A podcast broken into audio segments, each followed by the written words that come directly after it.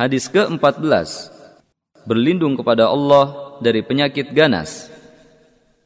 عن انس رضي الله عنه ان النبي صلى الله عليه وسلم كان يقول اللهم اني اعوذ بك من الجنون والجذام والبرص وسيء الاسقام Dari Anas radhiyallahu anhu bahwa Nabi Shallallahu alaihi wasallam pernah berdoa, "Ya Allah, sesungguhnya aku berlindung dari penyakit gila, lepra atau kusta, sopak atau vitiligo serta penyakit yang paling buruk."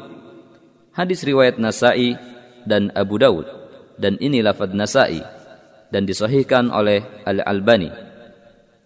Perawi hadis lihat hadis nomor 8 Beberapa faedah hadis ini adalah Nabi Shallallahu Alaihi Wasallam berlindung dari penyakit ganas tersebut karena sangat buruk dan dihindari oleh manusia. Juga karena penyakit tersebut bisa merubah dan merusak fisik. Kesehatan merupakan nikmat paling agung, hendaknya seorang muslim menjaganya serta bersyukur kepada Allah atasnya sebanyak-banyaknya. Karena manusia lemah dalam memenuhi hak dan kewajiban jika ia tertimpa salah satu jenis penyakit tersebut.